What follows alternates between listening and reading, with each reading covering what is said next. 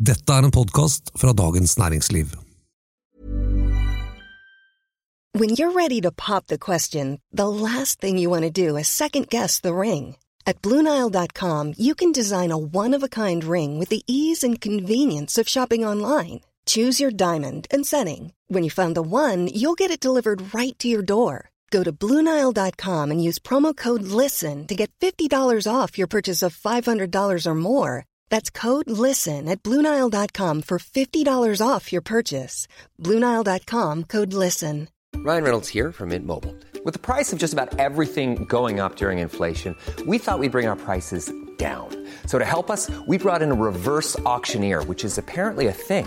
Mint Mobile unlimited premium wireless. Ready to get 30, 30, bit to get 30, bit to get 20, 20, 20, bit to get 20, 20, bit to get 15, 15, 15, 15 just 15 bucks a month. So, Give it a try at mintmobile.com slash switch. $45 upfront for three months plus taxes and fees. Promo rate for new customers for limited time. Unlimited more than 40 gigabytes per month. Slows. Full terms at mintmobile.com. Even when we're on a budget, we still deserve nice things. Quince is a place to scoop up stunning high-end goods for 50 to 80% less than similar brands. They have buttery soft cashmere sweaters starting at $50, luxurious Italian leather bags, and so much more. Plus, Quince only works with factories that use safe, ethical, and responsible manufacturing. Get the high-end goods you'll love without the high price tag with Quince. Go to quince.com slash style for free shipping and 365-day returns. Nå har visst regjeringen fått nok av hurra-Høyre og dundrer tilbake med kritikk. Men hvor godt treffer den? Og hårete mål i klimapolitikken blir fort verdiløse når verken folk flest eller politikerne vil betale prisen. Dette er den politiske situasjonen. En podkast om politikk fra Dagens Næringsliv med kommentator Eva Grinde og meg, politisk redaktør Fridtjof Jacobsen.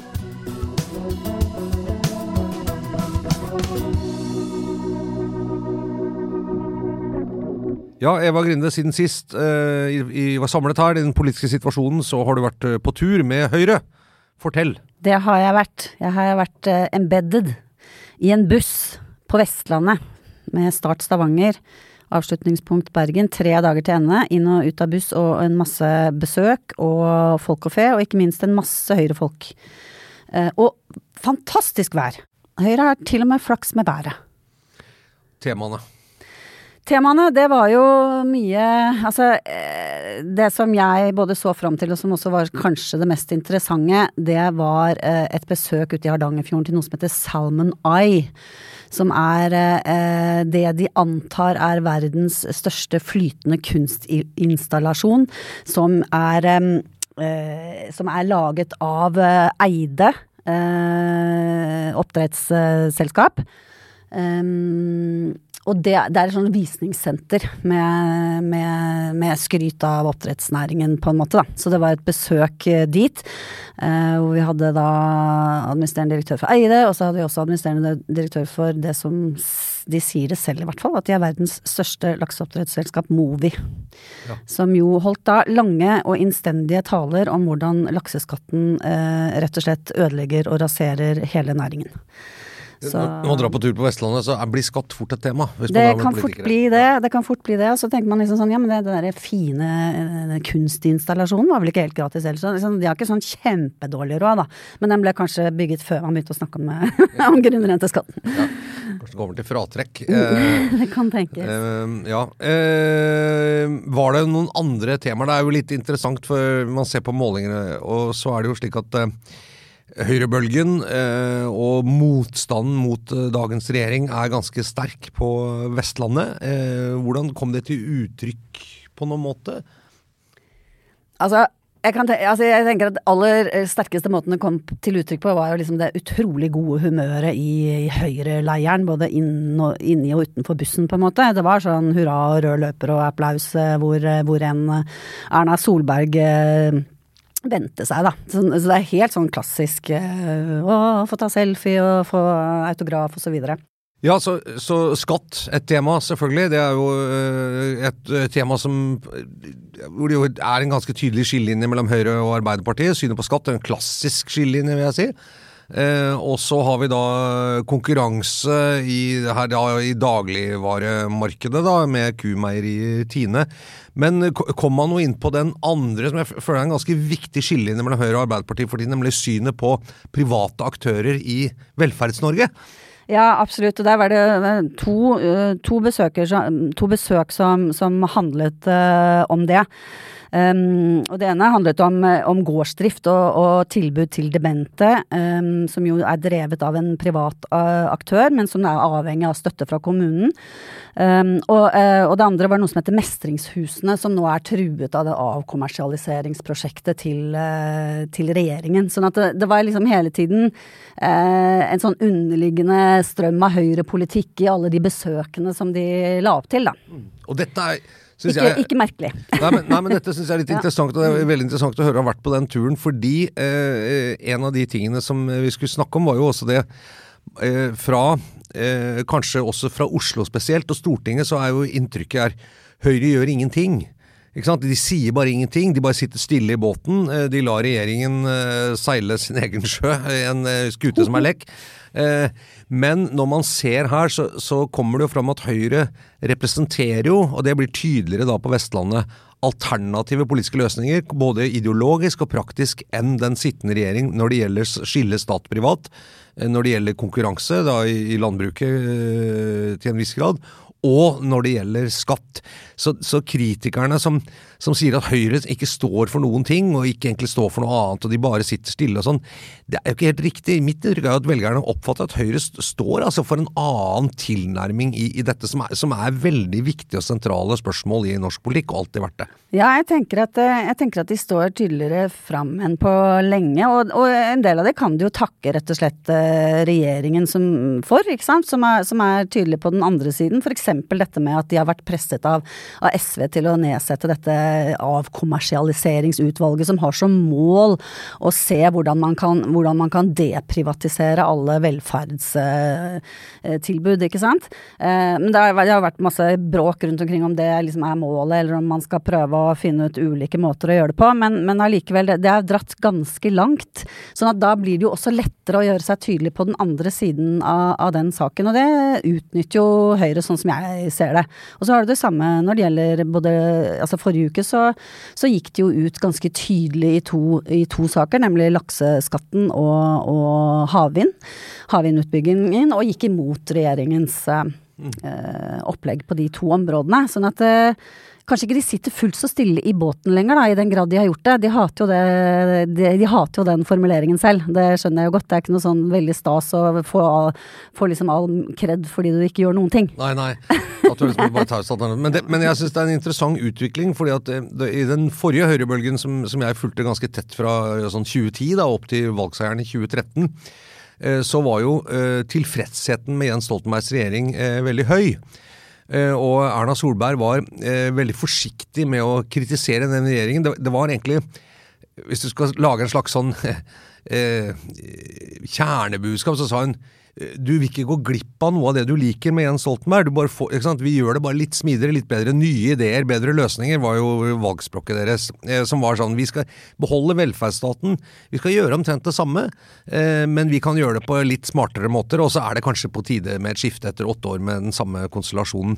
Mens denne gangen så Nå har de jeg- mye mer å sant, gå imot. ja, men jeg tror de har fått mye mer gratis. For Ja. jeg, jeg tror det at regjeringens eh, venstredreining, eller veldig sånn tydelig markering på en, kan kalle det en høyre-venstre-akse, en del spørsmål, har gitt Høyre en del gratis profilering. Hvor de sier at vi kommer egentlig ikke med noe nytt. Vi er bare det samme som du er vant til i Norge, men vi sier nei til å liksom gå veldig langt i den retningen. Så, så vi er på det Norge du egentlig kanskje likte med oss og med Jens Stoltenberg. Det er vi som står for det. Ja. Og dermed så, så er det regjeringen selv som har som har gitt Høyre veldig enkle muligheter til å profilere seg uten å komme med så veldig mye ny Ja. politikk. ikke sant? For det er de som endrer sin politikk, da. Ja, det tror jeg det har veldig eh, rett i. For det, det blir stående i mye skarpere relieff av det regjeringen gjør. Ja. Mens de, så, så det de kan gjøre, er på en måte bare å tydeliggjøre et budskap som de, som de egentlig har hatt uh, hele tiden. Uh, akkurat når det gjelder lakseskatten, så, er det jo, så har de jo kanskje ikke akkurat fremstått sånn veldig klart og tydelig. Eh, så ja. Nei, Men der, der, er det, der tror jeg de også har en der har de en viss fordel av å ikke markere så veldig klart annet enn at de er skeptiske til lakseskatt, med tanke på, på alle de kystkommunene hvor Høyre står sterkt tradisjonelt, og nå virkelig seiler på en forsterket blå bølge, ikke sant. Så de har ikke så veldig interesse av å, å gå sammen med regjeringen i et sånt bredt forlik akkurat i den saken. Nei, da, da de la frem det alternative statsbudsjettet sitt uh, i, i, fjor høst, var det vel. Uh, så tror jeg vi spurte dem om det. Altså, hvordan ser dere, er, Kan Høyre leve med en grunnrenteskatt ikke sant, på sikt osv.? Og, så og da var det oppfatningen at Høyre var sånn Vi, vi snakker ikke så høyt om det, men vi satte nå i gang en utredning om grunnrenteskatt på havbruk, som riktignok bare ble død og begravet. Karin Helene Ultveit Moe, det utvalget der, som, som bare ble lagt i skuffen i 2019. Blant annet fordi spesielt Senterpartiet eh, jobbet som besatt eh, mot denne grunnrenteskatten. Ja, eh, Godt hjulpet av en del konsulenter, vel? Altså, det har vi skrevet Ja, men nære forbindelser tror jeg til, til bransjen, men jeg tror de så akkurat det som Høyre kan si nå, at dette er en viktig næring i Distrikts-Norge. og vi ønsker ikke å sende det signalet om at de skal beskattes høyere. Vi, vi vil ikke ha det, det bråket. Eh, så har jo nå Senterpartiet tverrvendt eh, og, og, forsvarte skatten med liv og lyst, med egentlig helt uh, argumentene som egentlig var de som kom den gangen. Men, men grunnen til at grunnrenteskatten Godt hende at høyreregjeringen i 2019 ville prøvd å få på plass en form for grunnrenteskatt i sin periode. Men de fikk aldri anledning til å begynne på det engang, fordi de skjønte at dette var dødt i Stortinget, og vi tar ikke den fighten. Og Senterpartiet var jo på vei opp. Nå nå syns jeg det i for seg ikke er så ulogisk at de sier at denne saken her er helt katastrofe for regjeringspartiene på kysten. Vi tar den muligheten, ikke sant. Eh, og vi ønsker ikke å være med på noe forlik om dette nå. Det, jeg kan forstå det, det, selv om det kanskje er mer taktisk enn en, en eh, strategisk, da, hvis du skjønner. Ja, men altså, liksom, i tillegg så er det jo litt rotete fordi at landsmøtet til Høyre eh, vedtok jo veldig sånn klart at de er imot grunnrenteskatt. Og så har de jo underveis i forhandlingene sagt at ja, kanskje opp til 15 eh, og, så det, og det bekrefter jo Erna Solberg nå, på denne turen faktisk som jeg var med på. Eh, og da blir det litt sånn eh, Hvor godt henger det da sammen med at de sier at det er innretningen på skatten som er det store problemet, ikke det at vi skal betale litt mer skatt. Så da blir det sånn Ja, det blir, eh, det blir litt vagt, da. Men de, de, greier å, de, greier å, liksom holde seg der som, som kystens gode venn, og så, og så ja. Det, det, er jo det andre, er jo at øh, laksenæringen og, og, deres lobbyister tror jeg så ganske klart at i det klimaet som er rundt dette, og med en så svak regjering, så jobber vi beinhardt på Høyres distriktsrepresentanter for å få eh, et vedtak på Høyres landsmøte som er så bindende som mulig på at denne skatten skal bort. Ja. Eh, jeg tror ikke det helt var eh, partiledelsens ønske. at Man skulle få, man liker ikke å ha så bindende vedtak. Man liker ikke å få en sånn fallhøyde hvis det ikke blir så enkelt å fjerne den likevel. Men det gjør det også litt vanskelig når de nå blir kritisert for ikke å være med på et forlik om dette. Så tenker jeg da må du nesten se hva det landsmøtet sa. Det er, det er veldig vanskelig for en partiledelse å gjøre det. Hva som eventuelt skjer i 2025 eller 2026 hvis de kommer til makten, det tror jeg er et litt mer åpent spørsmål. Men jeg, jeg ser ikke helt hvordan, hvordan, de kunne gjøre det nå. Erna Solberg kunne gå inn i de forhandlingene uten å gå helt på tvers av sitt eget landsmøte. For det, det var jo omtrent det viktigste vedtaket der. Ja. Men på havvind så gjør de jo noe annet, da. Der er de, der er de på en måte villige til å være prinsipielle og ikke, ikke stryke ethvert eh, privat næringsliv etter etter hårene. For der er det jo liksom gått imot det å bruke bruke, hva ble det til slutt, 23 milliarder kroner for å bygge ut uh, Sørlige Nordsjø 2. I subsidier, ja. Per nå. Ja. I, subsidier per nå. Mm. Men det gikk jo uh, Og der Det tror jeg også satt litt De, de diskusjonene på i Høyres gruppe på Stortinget der, de, de var ganske tøffe. For jeg tror det, det, er også i Høyre et sånt ønske om at man skal uh, få på plass havvind i Norge. Men at det var rett og slett De var nødt til å på en måte sette foten foten ned for en så dyr løsning. Og så handler jo dette egentlig i bunnen om skal det være utveksling med kontinentet av den kraften som produseres på det feltet, eller ikke. Uh, og det er jo det regjeringen med altså Senterpartiet sørger jo for at regjeringen er imot det. Jeg, jeg, tror, det er det, jeg tror det er det som man må se på. Man, man kan godt si at det er litt rart av Høyre å gå mot en utbygging av havvind når de hele tiden skryter av hvor langt de var kommet med det og hvor gira de var på det. Ja.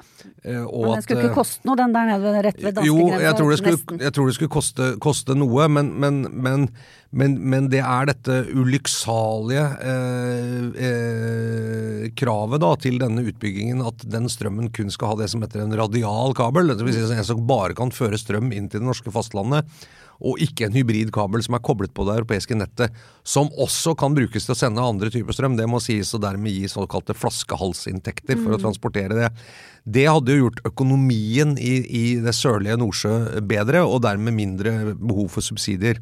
Eh, Når den er borte, så vil du ha behov for mer subsidier. Du måtte nok hatt subsidier eller så, men ikke den størrelsesorden. Og da kan jo Høyre si vi vil bygge ut havvind, vi, vi, og vi skjønner vi skal subsidiere, men hvorfor skal vi gjøre det liksom ekstra dyrt pga. et, eh, på grunn av et sånt prinsipp om at ikke vi skal være knyttet til Europa? Det, eh, det kan jo, er jo det de kan argumentere med. Og det er Ja. ikke så dårlig argumentert heller, altså. Nei da, men eh, motargumentet mot hybrid er jo at det skal presse presse opp prisene, at vi blir del av et europe, europeisk prissystem. Og, men så, så sier man jo da skal man bruke masse penger på å holde, holde det unna den, eh, ikke den koblinga til Europa. Og de pengene kunne man jo da teoretisk sett brukt på andre Den kunne man jo eh, brukt på andre klimatiltak, ikke sant. Fordi at de som har greie på det, peker jo også på at om, når dette er oppe å stå, som jo er mange år til, så kan det jo være helt, en helt annen energisituasjon i Europa. Vi kan ha tilgang på andre kilder.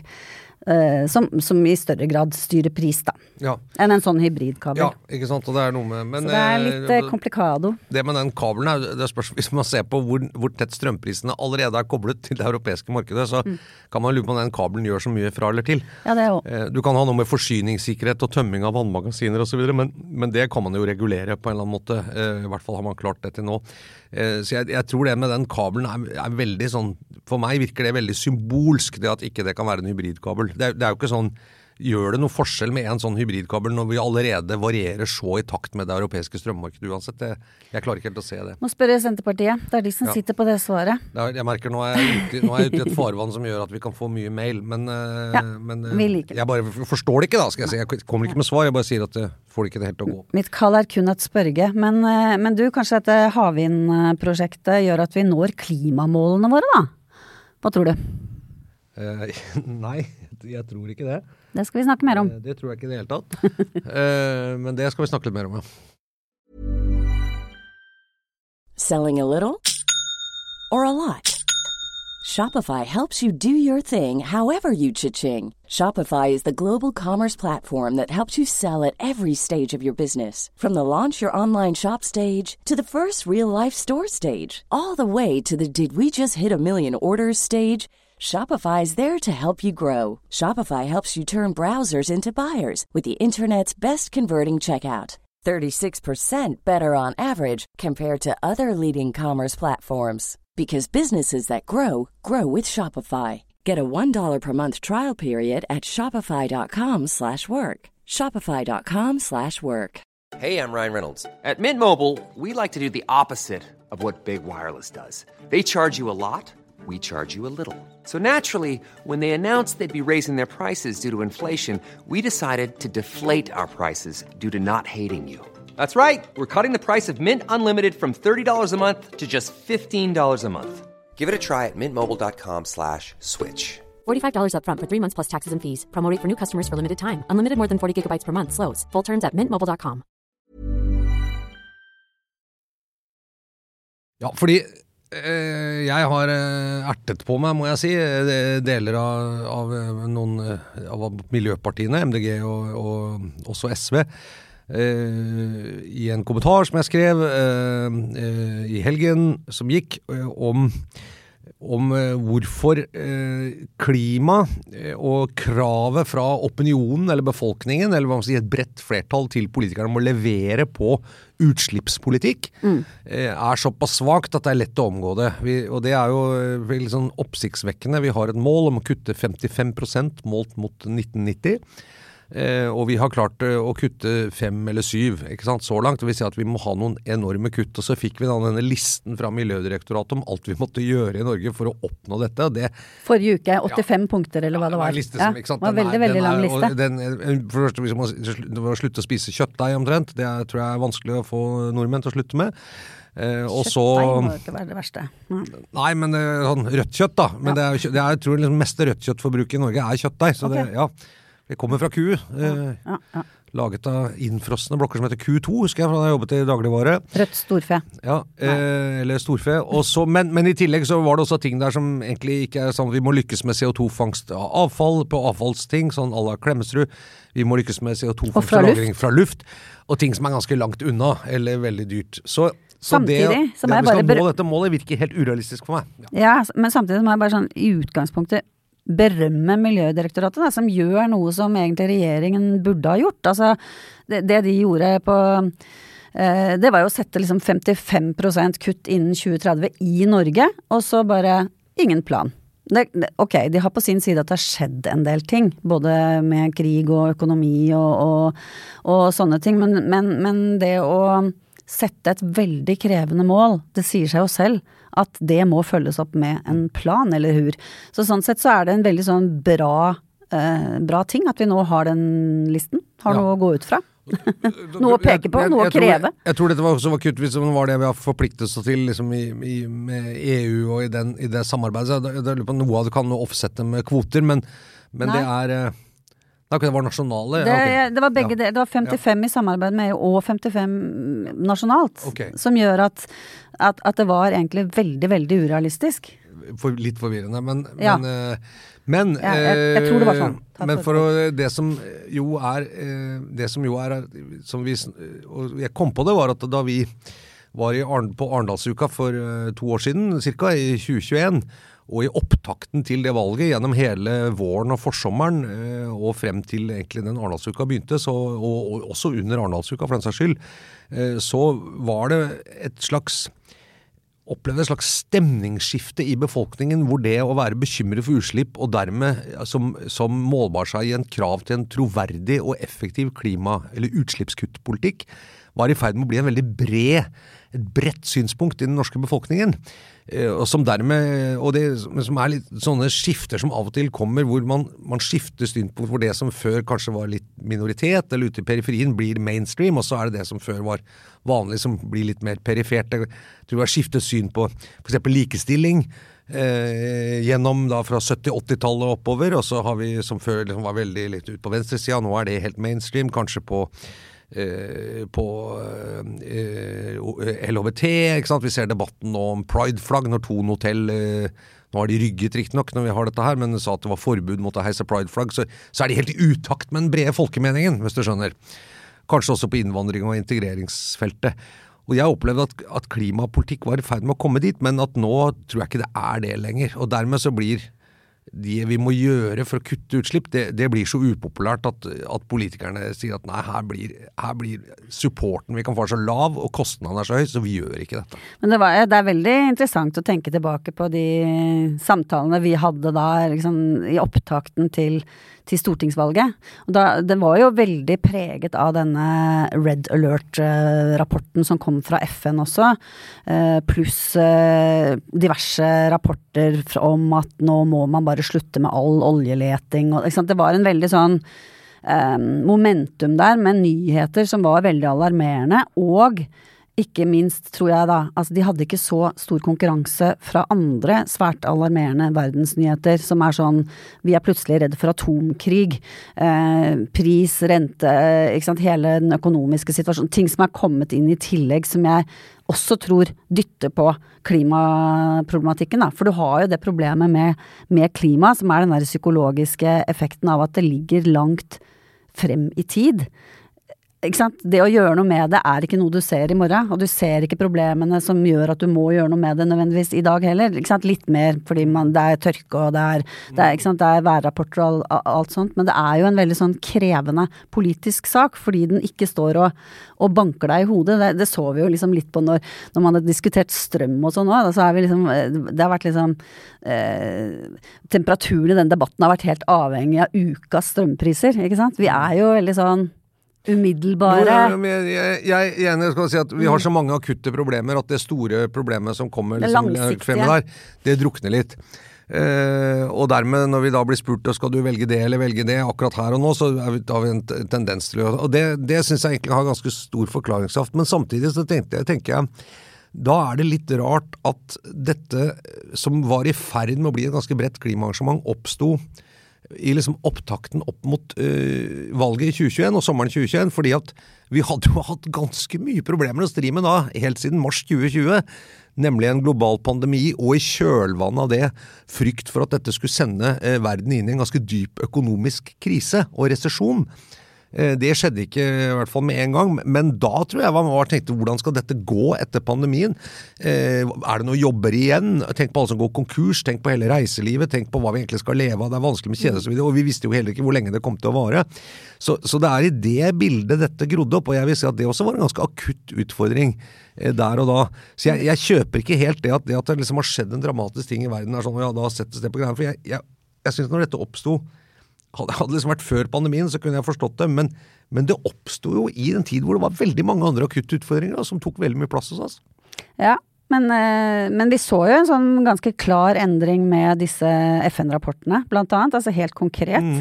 Eh, og så kan det jo ha noe å si at man var en, endelig på vei ut av pandemien, eh, og litt sånn Det var plutselig rom for en ny sak. Eh, og at denne, disse økonomiske følgene kanskje ikke helt hadde materialisert seg. Sånn at det igjen da noe av det samme. Men nei, jeg, jeg vet ikke. Jeg tror det er veldig, det er veldig sammensatt. Men, eh, men det er i hvert fall helt påfallende at eh, klimasaken har ramlet nedover. Jeg tipper jo at den kanskje tipper og håper og tror, fordi den må, tar seg opp igjen nå, framover.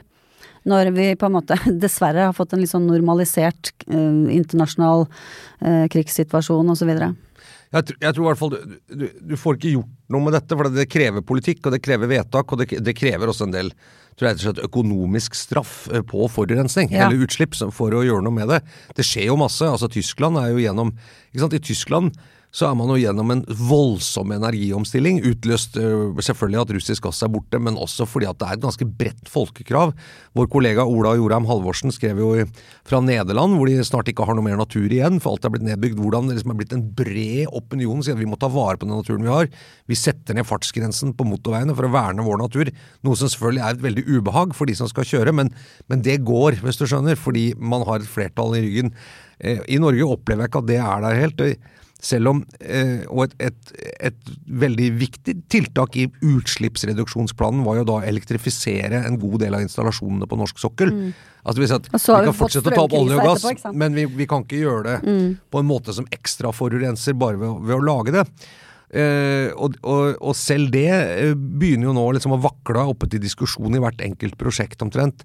Eh, også fra de ansvarlige regjeringspartiene, selv om dette var ganske sånn klare vedtak om at man skulle gjøre det. Det syns jeg er interessant. da. Ja, men du åpna med å si at du fikk så mye pepper fra både SV og MDG. Hva, hva, hva var eh, Nei, eh, og det, Hva var det? jeg ola meg kanskje litt eh, bastant, men det, det jeg tror var at det, det som viste seg når selve valget kom, var jo at det, det partiet som vel hadde størst troverdighet på klimapolitikk hos mange, nemlig MDG, eh, gjorde jo veldig dårlig. Eh, gjorde jo egentlig et katastrofevalg målt mot hvordan de lå an. Og hvis du ser på MDGs utvikling liksom, eh, fra 2019, så går det partiet på vei ned, hvis du, hvis du trekker liksom streken gjennom alle målingene. Så det, det, det var på vei opp til å bli et ganske stort og viktig parti. De klarte ikke sperregrensen. Det betyr jo at de eh, kunne havnet i en avgjørende posisjon på Stortinget i en del saker.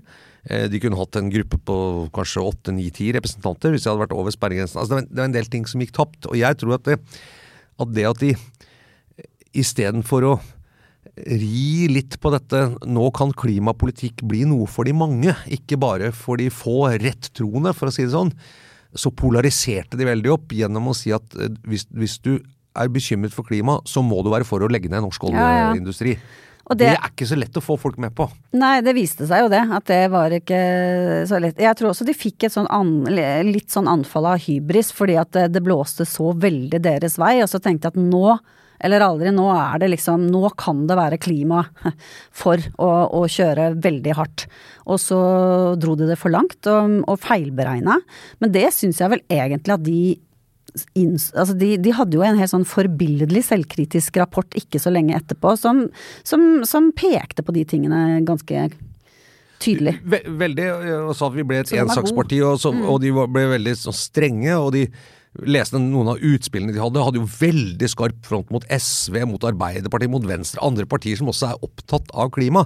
Eh, og mot Rødt og sånn, så var det liksom, det var helt beinhard front. Nei, ingen andre enn oss som på en måte står for en skikkelig klimapolitikk fordi vi skal legge ned oljebransjen. Og det, og det, men så tror jeg at det gikk dårlig for MDG, det vet vi jo, det så vi jo i valget. Eh, og det har de jo sagt selv også. Men jeg, jeg, tror det er interessant, jeg tror, at, jeg tror egentlig at MDG hadde en mye viktigere rolle enn bare seg selv. Jeg tror gjennom det eh, så, så tapte hele klimasaken moment også hos mange velgere som ikke potensielt ble stemt på. Ja, det, liksom, det syns jeg er litt sånn vanskelig å slå fast, nettopp fordi det, det skjedde også så mange andre ting som, som, som, er viktige, tror jeg, for at klimasaken har falt, da.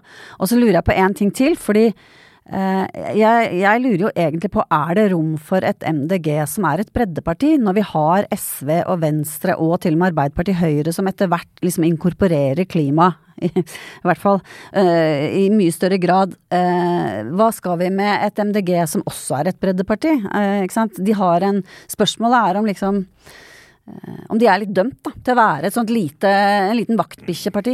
Ja, og kanskje dør når ikke de er det lenger. Ja, det, det er jeg enig i. Og det er litt med hvilken identitet skal partiet ha. Men jeg, jeg tror ja, men hvilket rom det er i floraen, da? I den norske partifloraen. Ja, men jeg tror kanskje klimasaken kunne vært det sakte og sakte hvis, hvis, man hadde tenkt at vårt mål altså alle kan stemme på, Hvis du er opptatt av klima, så kan du stemme på oss. For det er det vi står for en klimapolitikk som på en måte egentlig har bred støtte i Norges befolkning. Og vårt mandat fra velgerne er å passe på at vi, alle de andre partiene må forholde seg til det, og vi, vi adresserer det. Men vi, men vi, gjør det på en inkluderende måte. Vi tar bekymringen på alvor for klima og prøver å omsette det i politikk. Eh, ellers så er vi liksom Så kan du stemme på oss om du liksom lener litt mot det lyseblå, litt mot det lyserøde, eller sånn frem og tilbake. Vi gjør ikke så mange andre ting. Sånn var jo partiet en periode. Eh, så prøvde man å liksom vokse til å bli et ganske sånn parti med plass til alle. Mm. Eh, og som egentlig sa, vi, vi, vi, har en felles bekymring. Bli med, vi må gjøre noe med det. Vi er et positivt parti, vi mener det kan finnes løsninger osv. Men i løpet av den valgkampen så var det kanskje de mer polariserende kreftene mm. i partiet som vant frem.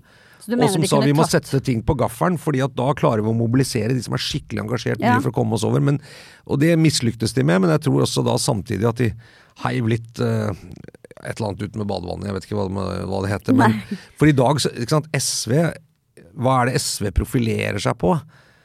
Det er ikke akkurat klimasaker. Hva er det Rødt profilerer seg på? Det er ikke akkurat klimasaker. Hva er det Venstre profilerer seg på? Jo, nå mest Ukraina, liksom. Utenrikspolitikk.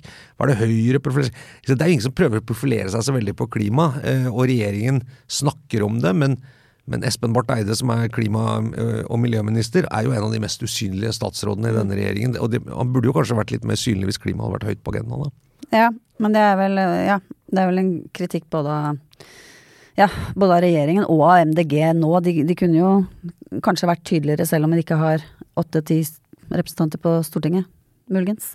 Ja, jo da, og det, det, kunne vært at de kan kjefte, ikke sant. Og, mm. og liksom hele tiden si at vi, vi, vi, alltid går foran og vi står for og vi skal sette det i forlengelse og sånn. Men, men det var mer det derre Tenk på noe sånn Hvorfor, hvorfor, har vi sluttet å kaste søppel i naturen, som alle gjorde på 50-60-tallet? eller var veldig mye av? Hvorfor har vi sluttet å forurense vann, som Mjøsa og disse fosfatvaskemidlene og sånn?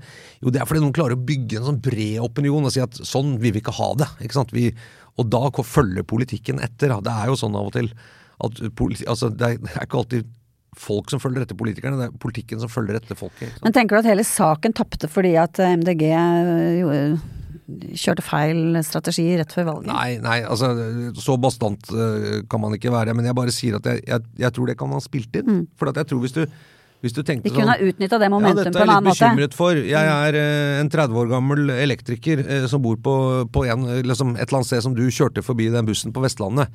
Uh, jeg jobber i oljerelatert næring, eller kanskje på plattform. Eh, men jeg prøver å gjøre så godt jeg kan. Jeg er liksom er bekymret for dette. Og så får jeg beskjed om at du må slutte den jobben din, vi skal legge ned den jobben som du tjener godt på, som er på ditt liv. Og hvis du er mot det, så er du mot klima. Jeg tenker folk sånn, nei, det, sorry, Da er ikke jeg med på den dealen her.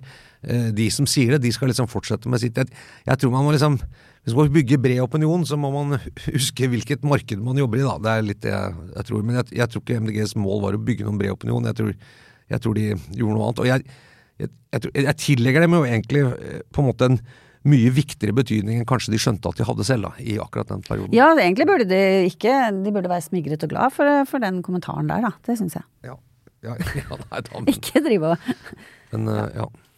Men uh, kanskje vi får et skift igjen. Kanskje neste gang at uh, dette her rir over til det at det å være liksom stå for en effektiv utslippspolitikk blir mainstream, da, og ikke en, en sånn fringe eller periferi i politikken.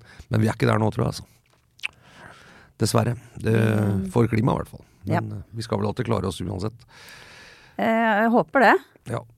Jeg håper det. Det vi også håper, er at det blir en ny utgave av Den politiske situasjonen neste uke. Det blir det. Vi satser på det. Ja, vi satser på det. Uansett, minst mulig polariserende, men forhåpentligvis kan vi bygge dette også til en bred folkebevegelse en gang. Ja. Innen 2030, Det i er hvert fall. sant. Innen Ja. 2030 muligens, hvis vi er heldige. For dette er en podkast fra Dagens Næringsliv som heter Den politiske situasjonen. Eh, Den handler om politikk. I studio sitter kommentator Eva Grinde og meg, politisk redaktør Fridtjof Jacobsen.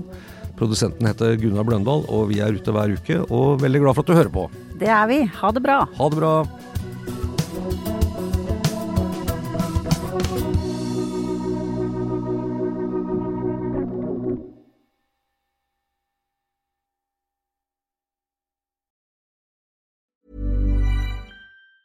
Planning for your next trip?